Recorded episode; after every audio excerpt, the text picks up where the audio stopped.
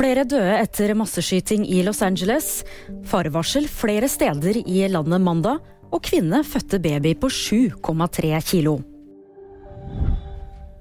Minst ti personer er drept etter en masseskyting i en danseklubb i Los Angeles. I tillegg er ti personer sendt til sykehus med skader.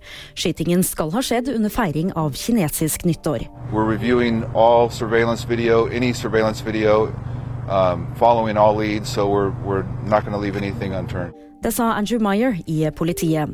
Gjerningspersonen er ved ett-tiden fortsatt på frifot, og motivet er foreløpig ukjent.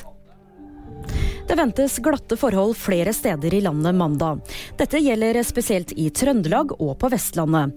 Samtidig er det sendt ut oransje farevarsel for snøskred flere steder på Vestlandet, Innlandet og i Nord-Norge, ifølge varsom.no. En kvinne i Brasil fødte onsdag en sønn som veide 7,3 kilo. Ja, du hørte riktig. 27 år gamle Kleidian fødte sønnen Angerson ved hjelp av keisersnitt.